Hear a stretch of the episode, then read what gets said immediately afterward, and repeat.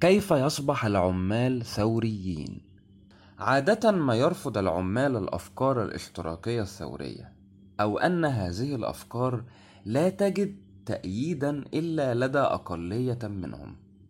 رغم أن الأفكار الاشتراكية الثورية تمثل الرؤية الحقيقية لتحرر العمال من عبودية العمل المأجور. في الواقع هذا التناقض لا يثير الدهشة.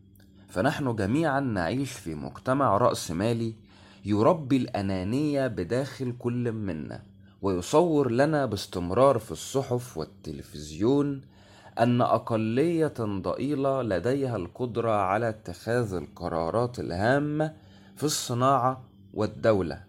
ويعلم الجماهير العاملة من أول يوم لها في المدرسة أن تطيع الأوامر الصادرة لها من الأكبر أو الرؤساء. وبالرغم من ذلك تكررت في تاريخ الرأسمالية الحركات الثورية للطبقة العاملة التي هزت دولة بعد أخرى. وتفسير هذه الحركات يكمن في الطبيعة الخاصة للرأسمالية نفسها.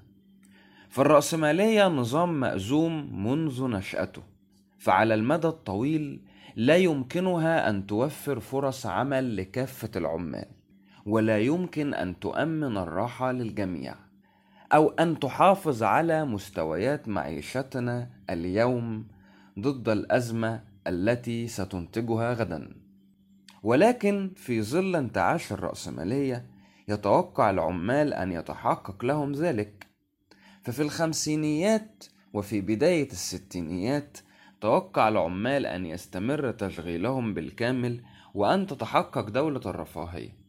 وعلى النقيض من ذلك ارتفعت نسبة البطالة وانخفضت مستويات المعيشة بشكل حاد. وبسبب تعرضنا لعمليات غسيل مخ نتقبل العديد من الأفكار الرأسمالية. فنحن نقبل بعض هذه الهجمات ولكن عند الوصول لنقطة معينة حيث يجد العمال أنهم لن يتحملوا المزيد فجأة يشتعل غضبهم ويبدأون في القيام ببعض التحركات ضد أصحاب العمل والحكومة.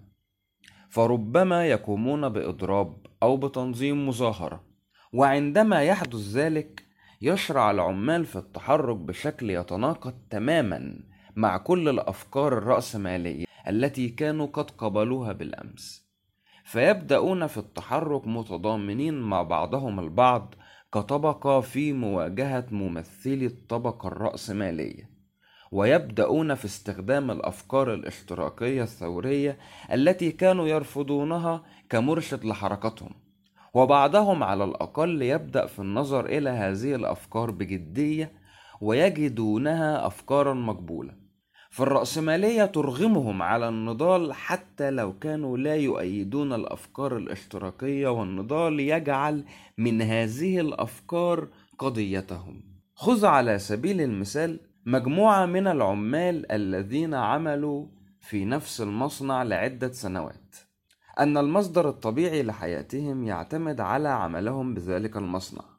فإذا أعلن صاحبه في يوم من الأيام أنه سيغلقه سيكون الحل أمام العمال في هذه الحالة هو احتلال المصنع وتحدي تحكم صاحبه في وسائل الإنتاج.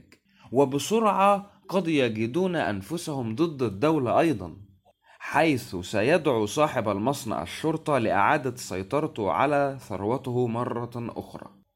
وإذا كان العمال لن يجدوا أي فرصة للحفاظ على وظائفهم فسيجب عليهم أيضا أن يواجهوا الشرطة.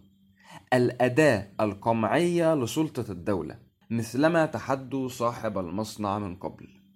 إن الرأسمالية نفسها تخلق حالة الصراع الطبقي التي تفتح عقول العمال على الأفكار التي تتعارض تماما مع ما تعلموه في النظام الرأسمالي.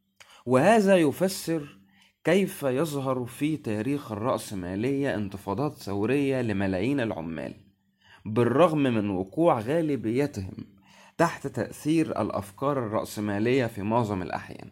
وأخيرا إن أكثر ما يدفع العديد من العمال لعدم تأييد الأفكار الاشتراكية شعورهم أنهم لن تفيدهم في مواجهة الرأسمالية لأن بقية العمال لن تؤيدهم.